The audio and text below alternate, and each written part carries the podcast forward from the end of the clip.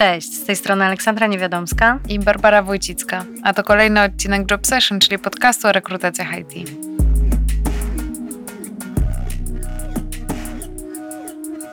Entuzjasta digitalizacji i miłośnik upraszczania. Product owner wspierający obszar talent acquisition i employer branding przekształca teoretyczne plany w konkretne akcje. Swoją pasję do technologii i agile z powodzeniem przenosi na przestrzeń biznesu, wprowadzając skuteczne i zwinne rozwiązania. Obecnie pracuje jako Business Application Specialist w Allegro, gdzie mierzy się z niezwykle ciekawymi wyzwaniami. Dzisiaj naszym gościem jest Bartosz Owczarek. Cześć Bartku, cześć Olu. Cześć. Cześć. E, to jak wiecie, spotkaliśmy się dzisiaj, żeby porozmawiać o temacie wdrożeń.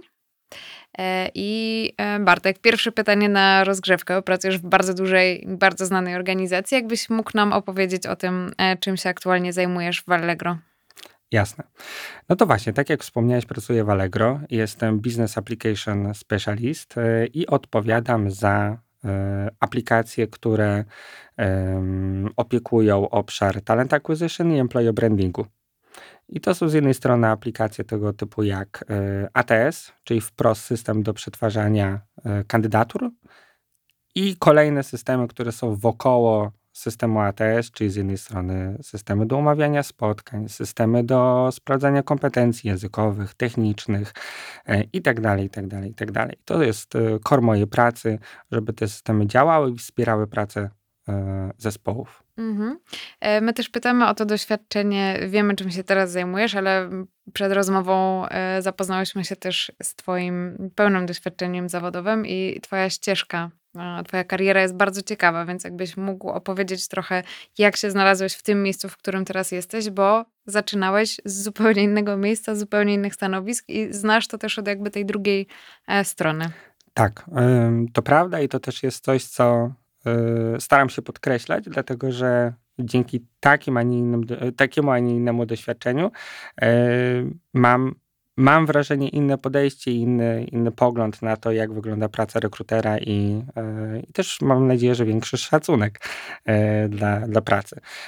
Mianowicie na samym samym początku pracowałem w organizacji, która zajmowała się outplacementem i tam współpracowałem z headhunterami, z firmami rekrutacyjnymi, um, executive search i um, direct search, pomagając im, udostępniając im naszą bazę kandydatów, którzy, kandydatów, którzy byli w procesie outplacementu. Następnie rozpocząłem pracę w małej agencji butikowej, rekrutacyjnej, która była um, również agencją Executive Search. Tam spędziłem około 9 miesięcy, natomiast poczułem, że to nie jest e, mój konik, praca rekrutera jednak e, nie była dla mnie i przeszedłem do, już do korporacji, już do międzynarodowej organizacji e, z rodowodem polskim. Tam e, po około miesiącu pracy została mi zaproponowana praca przy wdrożeniu e, modułu rekrutacji e, i to już był mój, mój początek pracy w, w systemach, w systemach HR. Tam jeszcze były tematy związane z chatbotem, z procesem poleceń pracowników, um, oczywiście wypłaty świadczeń. E, no i potem już ten obszar mojego doświadczenia rozrastał się z jednej strony o kolejne moduły, bo zaczęło się od talent acquisition, potem przeszło do talent acquisition i compensation, yy, o moduł raportowania, o yy, troszeczkę moduł onboardingu. Yy, I potem zostałem zaproszony już do wdrożenia systemu ATS e, w obszarze Talent Acquisition w kilku krajach Europy, Europy i Bliskiego Wschodu. O, to tak, żeby zarysować trochę obszar doświadczenia. Mhm, czyli świetnie... A potem już Allegro. Mhm. Czyli świetnie poznałeś najpierw potrzeby e, takich stanowisk, które e, tak naprawdę potem w jakiś sposób właśnie, tak jak ładnie powiedziałeś, zaopiekowujesz e, tak. pod kątem e, rozwiązań E, tych systemów. Mhm. E, natomiast um, się podpytać e, w ogóle o zastosowanie tych wdrożeń, tej automatyzacji. Tak naprawdę na bazie Twoich doświadczeń, czy są jakieś takie obszary, um, przy których na przykład widzisz, że ma to jakiś największy sens? Co, co wydaje Ci się, że jest warto zaopiekować? Czy to w ogóle da się stwierdzić ogólnie, czy to już powinniśmy odnosić konkretnie do organizacji? Oczywiście mówiąc głównie Jasne. o tych obszarach takich rekrutacyjnych. Mm, na pewno najlepiej tam, gdzie to się opłaca. No i żeby stwierdzić, gdzie się to opłaca Mhm, robić, No należałoby wiedzieć e, i oczywiście zastanowić się na tym, jaką organizacją jesteśmy, jak duży zespół mamy, jakie obszary są tymi obszarami najczęściej bolącymi. Mhm. Nie oszukujmy się. To, to z reguły e, różne wdrożenia robi się, żeby albo przyspieszyć jakiś proces, a skoro chcemy przyspieszyć, to z reguły nie jest super efektywny, e, więc kogoś tam boli, kogoś uwiera. Am, albo oszczędzi oczywiście pieniądze. I, I to też jest jakby obszar zdecydowanie, który, e, który należy rozważać w trakcie, w trakcie wdrożeń. E, A które obszary? Jeżeli nie ma nic mm, w właśnie. organizacji, e, to tak naprawdę cokolwiek wdrożymy, to coś pomoże. Rozumiem. Ale to musi być tak, że musi coś nas boleć, żebyśmy to rozważali, że muszą się pojawiać problemy. Czy na przykład y, jest coś, co mogłabym wdrożyć w pierwszej kolejności? Nie mam nic, y, więc jest jakiś y, pierwszy system, czy pierwsze rozwiązanie, które po prostu sprawdza się zawsze i to jest y, odpowiedź na to, nawet nie jeżeli ja czuję, że coś jest nie tak, czy że gdzieś mi coś idzie za wolno, bo ja mogę też subiektywnie tego nie widzieć, na przykład od wewnątrz organizacji, ale że są rozwiązania, które się sprawdzą zawsze. Taki pakiet startowy dla Tak. organizacji, która nie ma absolutnie nic. Czy jest coś takiego uniwersalnego? Tak, myślę, że tak. Jest to po prostu kalendarz i Excel. I, I to jest pakiet startowy.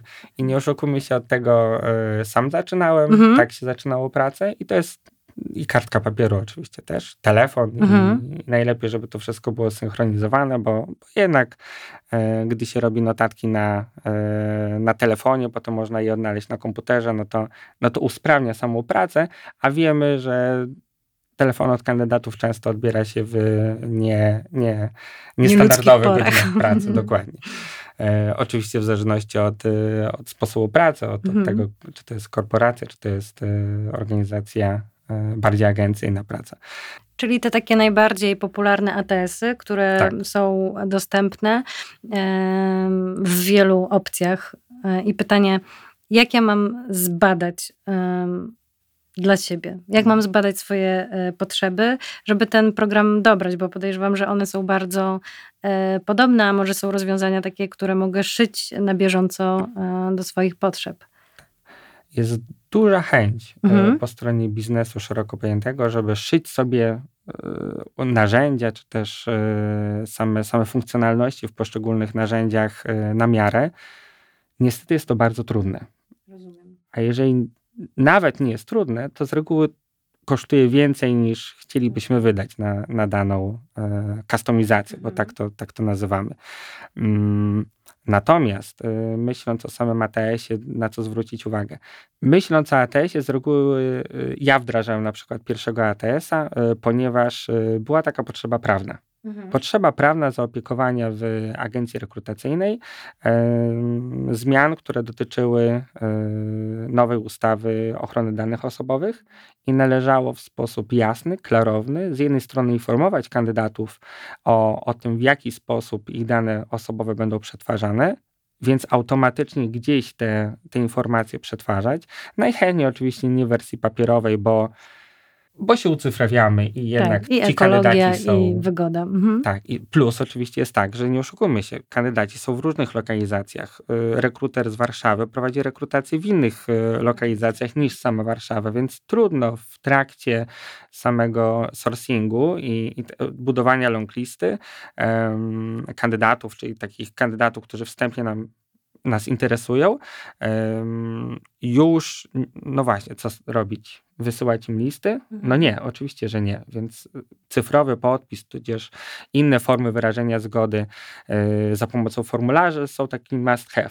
No i Mhm. tutaj właśnie ten ATS wchodzi i nam opiekuje całą tą działkę, bo z jednej strony pozwala na mm, zachowanie y, takiej zgodności prawnej, z drugiej strony pozwala na archi- archiwizowanie kandydatów, a z drugiej strony zgodnie z wybranym sposobem przetwarzania danych i tym, jak długo potrzebujemy tych kandydatów i na jak długo decyduje się dana organizacja na przetwarzanie kandydatów, um, ustawić odpowiednio reguły, żeby na przykład kandydaci sami się kasowali um, Rozumiem. bez naszej odpowiednim w odpowiednim czasie. terminie. Mhm. Tak. Czyli tutaj mm, potrzebą nie była optymalizacja czasu, optymalizacja kosztów, tylko przeniesienie e, tego aspektu prawnego, czyli taka mniej oczywisty zaczątek wdrożenia, e, chociaż może z perspektywy firm i wejścia tej ustawy, e, która też bardzo długo nie była doprecyzowana i, i budziła wątpliwości na rynku. Zdecydowanie, pamiętam te czasy. Tak, tak, więc to była super odpowiedź na pewno dla takich firm, szczególnie mniejszych. Ale rozumiem, że była zupełnie też bezpieczna, czyli te ATS-y przejmują odpowiedzialność w wypadku złamania takich przepisów RODO? Ojejciu, dobre pytanie. Szczerze powiedziawszy nie sądzę. Okay. To znaczy tak, oczywiście systemy są zabezpieczone przed jakby nieuprawnionym dostaniem się na, na serwery i tak dalej, i tak dalej. Mhm. Natomiast z reguły to po stronie jednak użytkownika, użytkowników należy odpowiednie zabezpieczenie systemu, ohasłowanie, zabezpieczenie komputera. Systemy z reguły są w chmurze, więc żadne lokalne dane nie są przetrzymywane na komputerach lokalnych, więc tutaj nie mówimy o y, potencjalnym wyzwaniu w kontekście o, ktoś ukradł komputer i odczyta dane z dysku. Mhm. No nie, to, to się nie zadzieje, bo po prostu tych danych na dysku nie ma. Nie są w ten sposób przetwarzane. Mm. Ale są e, takie mniej e, ostre czy jasne zasady, na przykład właśnie ten czas, o którym wspomniałeś, czyli Oj, e, nie zostanie odpowiednio usunięty ten kandydat albo poprosi o wycofanie zgody, to się nie zadzieje, bo nie zadziała system ATS. Czy takie sytuacje właśnie są zabezpieczane? Ale rozumiem, że to już trzeba pewnie też indywidualnie, wybierając system, e, doprecyzować takie kwestie. Są pewnie też inne e, korzyści, czy właśnie e, potrzeby mm, wdrażania. Tak, to na pewno jest z jednej strony zmieniająca się legislacja. To nie jest moje działki. Oczywiście minimalnie dotknął mnie ten temat, to jest praca zdalna. To znaczy, mhm. chociażby zatrudniając y, kandydatów, należało y, w odpowiednim momencie informować y, kandydatów o tym, w jakim modelu pracy będą pracować. I oczywiście gro tej automatyzacji spadło na system do zarządzania pracownikami. Natomiast y, pewne elementy oczywiście powinny pojawić się w systemie, w systemie rekrutacyjnym do rozpoczynania rekrutacji, zbierania jakby informacji, takiego pakietu informacji do rozpoczęcia rekrutacji. No i. A mógłbyś y, podać przykład? Yy, takich infor- myśl? Mhm. Yy, tego pakietu informacji? No, na przykład. Mm, z reguły systemy szeroko pojęte ATS na wejściu potrzebują informacji na przykład o nazwie stanowiska. E, o tym, czy to będzie rekrutacja wewnętrzna, czy zewnętrzna. Czyli mówimy o takiej segregacji e, tych tak. danych. Okay. E, tak, tylko właśnie wiem, że mm, teraz też znowu rośnie trend i, mm, i istota tych stron karier, że one rzeczywiście gdzieś e, w toku ostatnich lat e, nie były tak dopracowane. Oczywiście firmy, które były dobrze zaopiekowane employer brandingowo, e, o to dbały, ale jest bardzo dużo firm, gdzie nawet my, jako agencja rekrutacyjna, kontaktując się, chcąc porozmawiać o potrzebach, sprawdzamy strony karier. Zobaczmy, jakie mają aktualnie otwarte stanowiska, a po kontakcie bezpośrednim słyszymy: ojej, to jest już pół roku, czy rok, czy dwa lata nieaktualne, nie aktualizowaliśmy strony.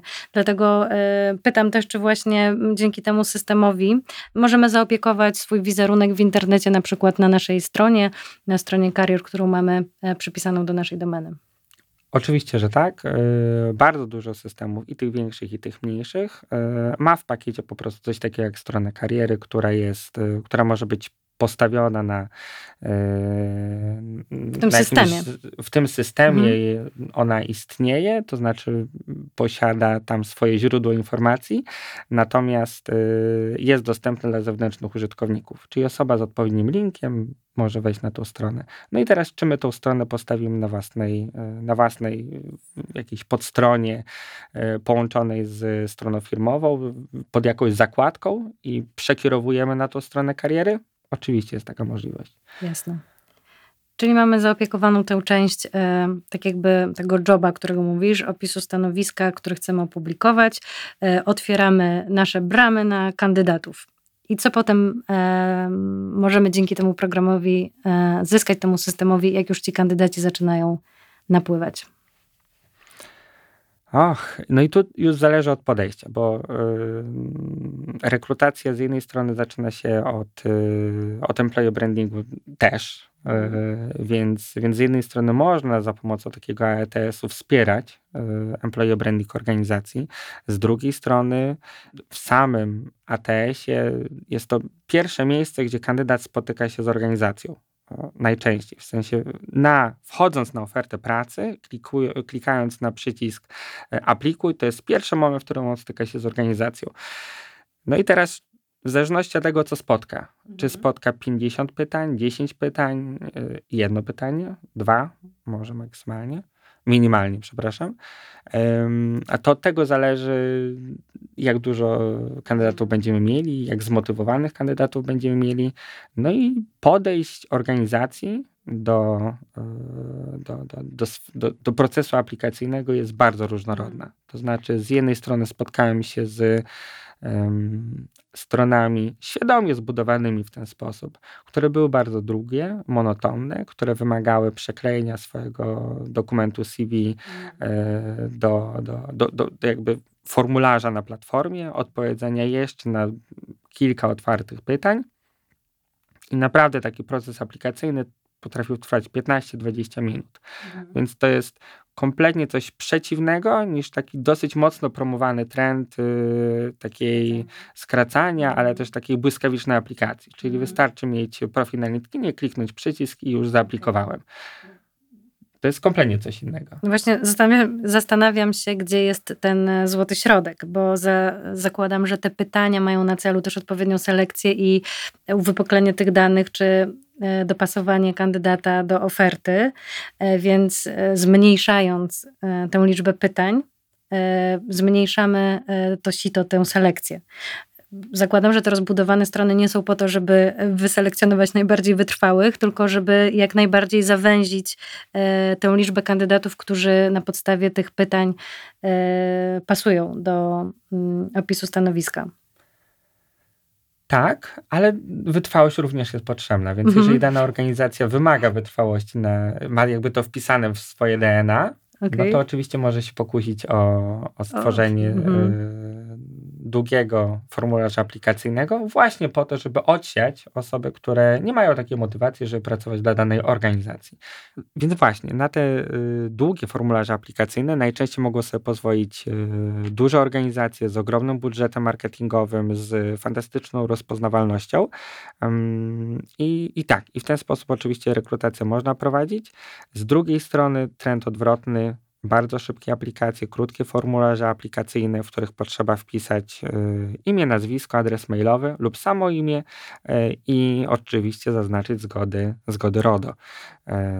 I już. Natomiast mhm. jestem gdzieś po środku, to znaczy imię, nazwisko, adres mailowy, y, ewentualnie lokalizacja. No i, i pytanie, to już otwarte, na ile i na jak dużo pytań selekcyjnych chcemy sobie pozwolić, które z jednej strony pomogą kandydatowi zobaczyć, na czym zależy e, danemu, danej organizacji, danemu rekruterowi, czy aplikując na daną pozycję danemu menadżerowi, a z drugiej strony pozwalają, pozwalają zdecydowanie łatwiej odnaleźć danego kandydata w, spośród wielu mhm. aplikacji. I to też jest y, jakby dosyć istotne, że hmm, ja osobiście mam wrażenie, patrząc oczywiście z perspektywy organizacji, w których pracowałem, y, że czasy, w których było setki aplikacji dziennie, w których rekruter musiał przeczesywać y, i wyłapywać te rodzynki, y, które, które chce, którym chce złożyć ofertę albo potencjalnie procedować do rozmowy z menadżerem, już minęły. My pracujemy z Basią e, tylko w branży IT i e, nie wyobrażam sobie, żeby no, też nasza specyfika jest trochę inna, bo my wychodzimy do kandydata. My się opieramy właśnie o direct search, więc my e, przychodzimy do kandydata z ofertą, e, więc proszenie go o jakieś dodatkowe e, odpowiedzi, gdzie on tak naprawdę korzysta z naszego, z naszej usługi też w pewien sposób, żeby go polecić z kolei do firmy, mm, no to nie wyobrażam sobie, żeby to tak się rozciągało w czasie. Mamy przykłady naszych klientów, dużych korporacji, gdzie nawet ta wieloetapowość jest w pewnym momencie dla kandydata e, obciążająca i rezygnuje, ale też e, co opisywałyśmy e, na naszym Facebooku, na Jobviously, jest trend taki, że kandydaci bardzo skracają swoją dostępność na rekrutację. Mówiłyśmy też o takich skrajnych przypadkach, gdzie kandydat mówił, że ma te 40 minut, o którym mówiliśmy chyba w pierwszym odcinku, mm, ale no rzeczywiście w branży IT wydaje mi się, że ten formularz musiałby być szczególnie dopasowany do tego, że ta e, dostępność kandydatów, takich z rynku, o której mówisz, e, jest szczególnie mm, ograniczona. Byśmy mogli właśnie wrócić do, do tych systemów, bo przeszliśmy przez moment, w którym otwieramy bramę, czyli publikujemy ogłoszenie i tak dalej. Mamy teraz ten etap e, selekcji CV i jak y, tutaj te systemy wpływają już na sam proces rekrutacji, taki wiesz, gdzie mówię właśnie o obdzwanianiu kandydatów, o umawianiu spotkań i tak dalej. Co, co tam możemy przyspieszyć, zautomatyzować, zoptymalizować? No to to mm, wstępujemy w fenomenalny świat, y, no co najmniej dziesiątek systemów, y, które mogą wspierać różne etapy procesu rekrutacyjnego. Oczywiście to jest otwarte pytanie, co się opłaca, kiedy, i dosyć ważne, że oczywiście te systemy, o których zaraz będę mówił, wszystkie powinny gadać, y, może nie ze sobą, ale na pewno z tym jednym głównym systemem. Mhm. Więc jak myślimy o, yy, ja mówię o ATS-ie, czyli o tym głównym systemie, w którym przetwarzamy jakby całą ścieżkę, drogę kandydata, to on czasem przeskakuje, tak metaforycznie mówiąc, y, wyskakuje z tego systemu, wskakuje do innego i wraca do tego pierwszego. Yy. I, I to ten system ATS jest tym agregatorem całości danych. Bo teraz tak, chociażby yy, w momencie, gdy kandydat natychmiast wpada do systemu ATS, na przykład można ustawić taki, yy, taki, taki proces, yy, w którym po trzech godzinach od momentu aplikacji zostaje wysłana do niego wiadomość. Wiadomość, yy, pod którym jest nagranie rekrutera, a następnie zaproszenie do wideo interview.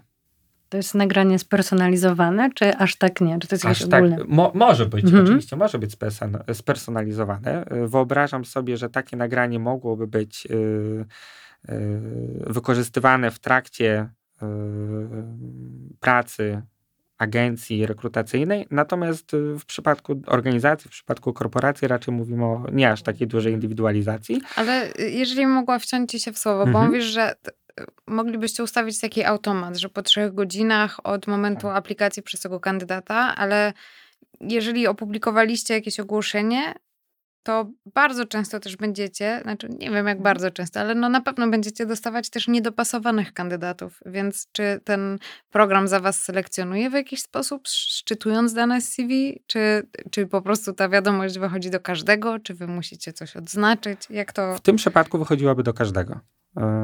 W tym przypadku zdecydowanie wychodziłaby do każdego. No chyba, że w trakcie procesu aplikacyjnego zaznaczymy mamy pytania selekcyjne.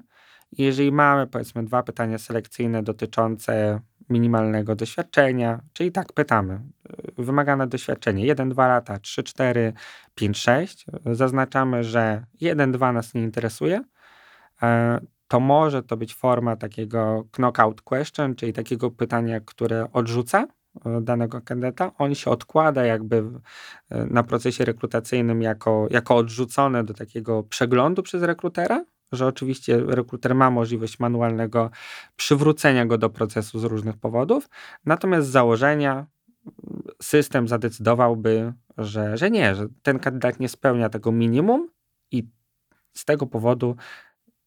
Tego linku do wideo nie wyśle. No i jeżeli kontynuując, mamy to wideo, no to tak, z jednej strony e, rekruter może opowiedzieć z jednej strony troszeczkę o roli, czyli powtórzyć e, opis stanowiska. Może troszeczkę w innej formie, może będzie to bardziej swobodne, może zwróci uwagę na jakieś inne elementy. Mm, już samo to, że zaprezentuje, czy jest y, w garsonce, czy w t-shircie firmowym, na jakim tle, czy siedzi sztywno, czy nie. To już trochę mówi oczywiście mhm. stereotypowo, oczywiście, ale, y, ale jakby nie było, trochę mówi o, o tym, jakim typem dana organizacja jest. No i dalej możemy mieć zaszyte powiedzmy trzy pytania, na które oczekujemy swobodnej wypowiedzi, która zostanie nagrana przez, przez kandydata. I na daną wypowiedź on ma około 30 sekund albo minuty. No i teraz tak, mm, z jednej strony znowu mamy selekcję na poziomie punktu wejścia, to znaczy yy, nie każdy chce być nagrywany, no i tutaj oczywiście zależy od dojrzałości danej, e, hmm, może nie dojrzałości, otwartości danej mhm. spo, danego społeczeństwa, danej grupy wiekowej, bo to jeszcze jest ważne, danej grupy wiekowej do, do takiego, a nie innego procesu rekrutacyjnego, a następnie oczywiście otwartości na odpowiedzenie na te pytania w formie, formie wideo i audio. E, rekruter automatycznie zastępuje tym samym phone screening, taki pierwszy, mhm słuchaniem trzech minutowych nagrań y, o, o kandydacie. No i no i tak, nie we wszystkich mhm. rolach, ale oczywiście to pomaga. Czyli to wprowadza nam pewną asynchroniczność, ale wcale nie optymalizuje czasu bardzo, bo rekruter y, musi to odsłuchać i najpierw kandydat musi to obejrzeć, więc gdyby oni się zdzwonili, to y, przebiegłoby też w czasie rzeczywistym. Natomiast rozumiem, że to jest o tyle, że to może wyjść o każdej porze y, z systemu, Dokładnie. więc to też ułatwia i ta asynchroniczność jest też dużą wygodą dla kandydatów. To z kolei Basiu chyba wspominać w naszej rozmowie o tych automatach, które odpowiadają, że może kandydat zadzwonić na infolinię, żeby z botem właśnie porozmawiać o ofercie pracy, e, zadać takie e, podstawowe pytania bez angażowania właśnie człowieka, który jest dostępny w, w jakichś określonych godzinach, chyba że ma inny system pracy, jest w tych mniej ludzkich. Tak, no. ale zauważcie, że każdy, najprawdopodobniej każdy ten telefon, tudzież użycie y, chatbota, mhm. to jest nadal y, de facto zastąpienie formularza aplikacyjnego. Okay. Czyli potem albo odbędzie się rozmowa telefoniczna y, z kandydatem, albo kontynuacja rozmowy w innej formie. Mhm. Więc y, to jakby się nie wyklucza z tym, że potem można zaproponować y, kandydatowi y, rozmowę, no właśnie, rozmowę tej trzyminutowej. Mhm. I teraz wspomniałeś o tym, że nie jest to aż taki zysk czasowy z tej... Znaczy tak jak na gorąco analizuję. Tak, mhm. tak, tak. No to ja już mówię ci statystyki. Jasno wynika, że z reguły pierwszy telefon do kandydata nie jest udany, bo kandydat okay. nie odbiera. A w ten sposób e, rozumiem. Więc mhm. automatycznie, mając e, do wykonania 10 telefonów, e, każdy telefon to jest, to jest powiedzmy 30 sekund. Mhm. Bo próbujesz dzwonić jednocześnie dajesz notatkę do, w swoim systemie, że, że ten próba kontaktu została wykonana danego dnia i o danej godzinie. Żeby też potencjalnie kandydata nie spamować, jeżeli może nie chce z nami rozmawiać. Um, on oczywiście oddzwoni. Tylko o której on oddzwoni? Rozumiem. Może kiedy Dlatego... skończy pracę, o 18. Mhm. A wtedy już jesteśmy w innych działaniach jako rekruterzy, bo odbieramy dzieci, bo jesteśmy na zakupach i tak dalej. Więc zostawienie tego um, nagrania i, i, nasze, znaczy nasze, moje doświadczenie, bo to akurat jako Allegro takiej, takiej platformy nie wykorzystujemy, natomiast ja mam takie doświadczenie z wykorzystania takiej platformy, pokazywało, że ta asynchroniczność bardzo dobrze się sprawdzała. Mhm. To znaczy przy niektórych rolach y, te rozmowy były wykonywane na przykład w soboty, w niedzielę, i zdecydowanie po 22 na przykład. Mhm. Albo przed pracą o godzinie 7, 8, yy, czasem w parku, mhm. jak było widać nagrania, czyli dosłownie w trakcie drogi do pracy. Rozumiem. Którą Właśnie potencjalnie ktoś chce zmienić. Na ile system może za mnie zadecydować, albo na ile, jakie dane, albo co muszę wprowadzić do systemu, żeby on mi podpowiedział. Czy to w ogóle pozostawiacie na przykład wy w ocenie człowieka, czy na przykład możemy sczytywać jakieś dane, które za mnie, to co Basia wspominała, mogą e, automatycznie selekcjonować e, kandydatów. To tak jak wspomniałem, najprostsze to oczywiście jest yy, formularz aplikacyjny. Mhm. A wyobraźmy sobie sytuację, mam kandydata A i kandydata B. Obaj wydają mi się bardzo dobrzy, ale mam tylko jeden wakat. Czy system ATS może mi na przykład podpowiedzieć jakieś wartości że czy zbieramy jakieś dane po drodze rekrutacji, które mogę w łatwy sposób porównać czy, czy ten system w ten sposób może być e, wykorzystywany, czy raczej to jest do optymalizacji pracy, a nie do takiego wsparcia decyzji biznesowych? Może. Mm, z jednej strony można porównywać e, kandydatów, e, jeżeli system lub kandydat w trakcie procesu aplikowania odpowiednio wprowadzi dane. Mhm. Czyli na przykład lata doświadczenia automatycznie mogą zostać jakby poprawny sposób zliczone przez system ATS, e, kompetencje poszczególne, e, więc można to, e, to porównać w ten sposób, z jednej strony. Z drugiej strony bardziej zaawansowane systemy oparte o mm, uczenie maszynowe, oparte o, o, o jakąś formę sztucznej inteligencji mm, potrafią w sposób powtarzalny niedoskonały pewnie jeszcze, znaczy na pewno niedoskonały, y, z jednej strony szczytać mm, opis stanowiska, czyli job description i następnie y, schemat, czy też taką kombinację kompetencji, które zostaną tam rozpoznane, bo zostały mhm. wcześniej opisane, odnaleźć w dokumentach CV kandydatów.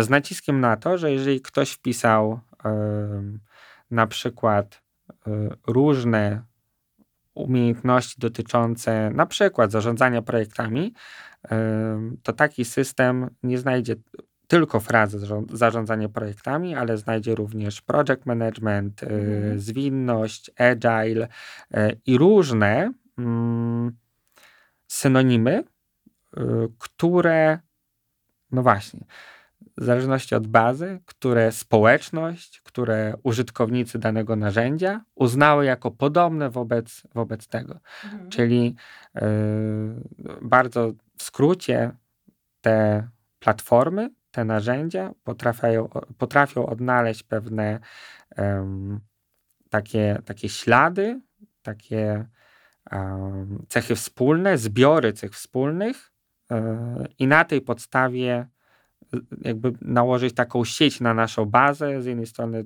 kandydatów, którzy zaaplikowali, lub bazę kandydatów, których mamy mhm. e, w bazie naszej e, systemu e, i wyciągnąć tych kandydatów, których, których rekruter musiałby selekcjonować ręcznie, manualnie lub za pomocą takich filtrów typowo słownych. Mhm. A czy w takim razie jakieś wskazówki dla kandydatów w jaki sposób powinni pisać swoje CV, wrzucać jak najwięcej słów e, kluczowych. Nie wiem, czy to powinno być czytelne, bo kiedyś tak pewnie było. wiesz, w jaki sposób to tak, działa. Tak, kiedyś tak było, że słowa kluczowe i dużo słów kluczowych e, podbijało na przykład e, w niektórych oczywiście systemach ATS, czyli tych, to przetwarzanie kandydatur, podbijały te, te, te CV w górę, to znaczy pokazywały, że zgodność danego kandydata jest, nie wiem, w 98% z job description. Natomiast tutaj gigantycznie otwarte pytanie, na ile te job description, na ile samo opis stanowiska zostało dobrze stworzone. Mhm. Jeżeli ono nie było precyzyjne, albo było takim wishful thinking e, zespołu rekrutacyjnego, a dokładnie pewnie biznesu, e, z czym też się oczywiście najprawdopodobniej każdy spotkał, że, że nie spełnia wszystkich kwalifikacji, ca całej listy e, oczekiwań, a a jednak został przyjęty do pracy. No to mhm. system ATS, dążąc jednak do pewnej doskonałości, no nie odrzuciłby, ale nie dałby go na top e, mhm. kandydatów, bo, bo ta zgodność była w 70% na przykład. E, z drugiej strony, co dodawać do CV? Na pewno swoje kompetencje, na pewno, e, na pewno używać e, jakby języka branżowego, podawać liczby, podawać umiejętności, nazywać te umiejętności, które posiadamy. Jeżeli się prowadziło projekty, to, to nazywać to projektem. Yy, jeżeli się prowadziło jakieś wdrożenia, to napisać, że to jest implementation, że to jest wdrożenie. Yy, no to, tak, to z jednej strony są banały, z drugiej strony czasem się to nie pojawia. Yy, I tak, niestety, wracamy, znaczy wracamy, chyba właśnie nie wracamy. To znaczy, CV nadal jest dokumentem, który jest potrzebny, który, który najczęściej jest najłatwiejszą formą odnalezienia, tudzież weryfikacji różnych umiejętności, doświadczenia kandydata. E, no i jest niezbędna w procesie rekrutacyjnym. To znaczy, nawet jeżeli ktoś znajduje mój profil na LinkedInie, to i tak potem jestem proszony o, o dokument CV.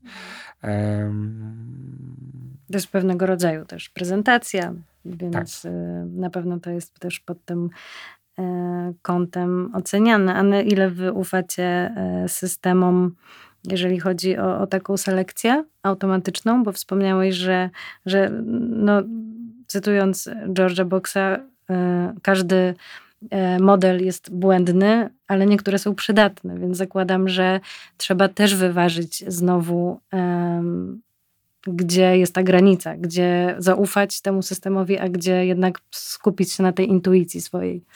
To, e, to co mówisz i to, o czym wspomniałaś, to zdecydowanie tak mi natychmiast mhm. do głowy naprowadziło i przypomniało e, o tym, o tym z jednej strony human touch, mhm. bo, bo nie, bo jakby nie jest y, na tym etapie jeszcze nie jest możliwe takie ufanie systemom, aby, aby, aby mogły zastąpić pracę rekrutera. Otóż y, przypadek dosyć świeży. Y, coraz częściej odnajdujemy w trakcie procesu aplikacyjnego, ponieważ mamy narzędzie do sprawdzania umiejętności technicznych. Sprawdzamy, czy, czy i w jaki sposób juniorzy, role, role standardowe, regularne i seniorzy odnajdują się w różnych e, testach, czy to analitycznych, czy to e, SQL. No, w zależności od technologii mamy różne, różne, różne testy, które weryfikują te umiejętności. I coraz częściej spotykamy się z wynikami na przykład stuprocentowymi, mhm. wykonanymi tak dosyć szybko. E, nowe technologie? Nowe Za technologie, ChatGPT. Mhm.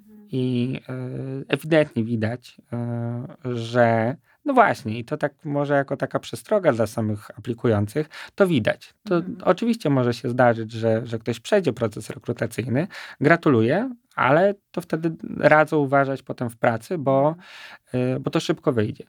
W naszym przypadku z jednej strony były to po prostu odchyły statystyczne, ponieważ z reguły ludzie aż tak statystycznie się od siebie nie różnią, więc y, powinni tak w miarę te wyniki wychodzić w rozkładzie normalnym. A tego typu wyniki są albo bardzo szybko, albo bardzo dobrze wykonane, albo jednocześnie. A mhm. wtedy zdecydowanie jest to jakiś, jakiś taki ewenement, który od razu przykuwa wzrok. E, I wam to podpowiada też ten ATS, bo wy bierzecie e, dane, tak. statystyki tak. z tak, tego tak, właśnie tak. Z, z, programu. z tego z programu lub z ATS-a, do którego one zostaną wczytane.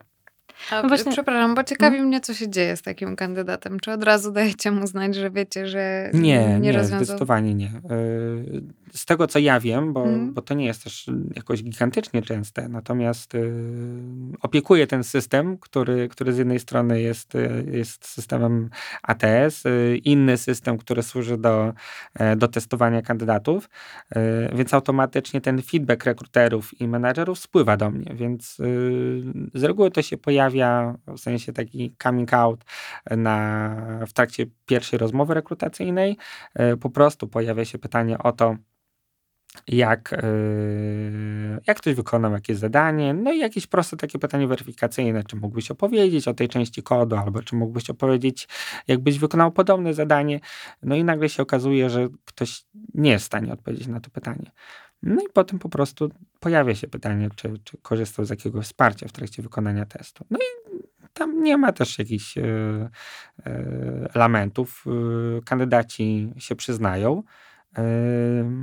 No właśnie, to też jest o takiej różnej reakcji, bo jedni kandydaci czują skruchę i mówią, no tak, może nie powinni, a drudzy mówią, no ale to jest przecież narzędzie, które można wykorzystywać, ogólnodostępne jest też nie nowością i, i, i całkiem popularnym trendem, że coraz więcej e, deweloperów wykorzystuje ChatGPT do, do różnych zadań, więc z drugiej strony jest to w jakimś stopniu narzędzie pracy. Mhm. Tak. I na ile narzędzie pracy powinno być narzędziem, które również powinno wesprzeć w procesie selekcyjnym rekrutacyjnym. Mhm. To takie, to wiecie, to tak jak kiedyś mówiło się, że czy na maturze powinien być kalkulator do użycia albo ta tablica wzorów. Mhm. No jej nie mówili, że trzeba wszystko pamiętać, a teraz, że, że można sprawdzić. No i, i ten chat GPT te proste elementy operacjonalizuje.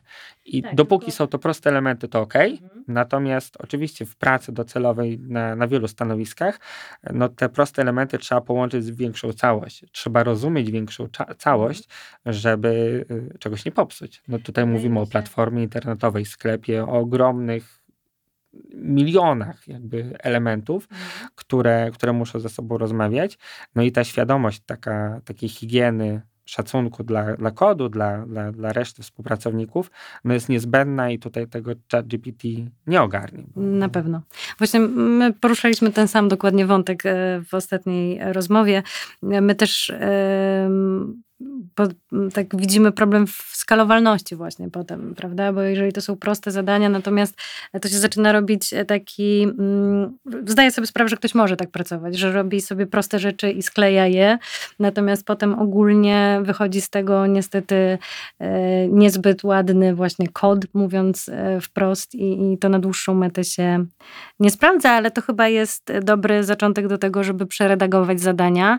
Może dopuścić możliwość skorzystania z czatu GPT, tylko właśnie e, tak stworzyć te zadania, żeby inne, w inny sposób te kompetencje e, tej osoby e, sprawdzić, więc te nowe technologie strasznie pędzą i trudno za tym nadążyć, żeby to przygotować, ale mm, myślę, że warto, warto próbować, mm, żeby do tego nie dochodziło potem. Super. Myślę też, że szerzej y, odniesiemy się do tego mm, w następnym odcinku. Tak, dlatego zapraszamy już dziś na odcinek za dwa tygodnie, gdzie będziemy kontynuować e, rozmowę z Bartkiem.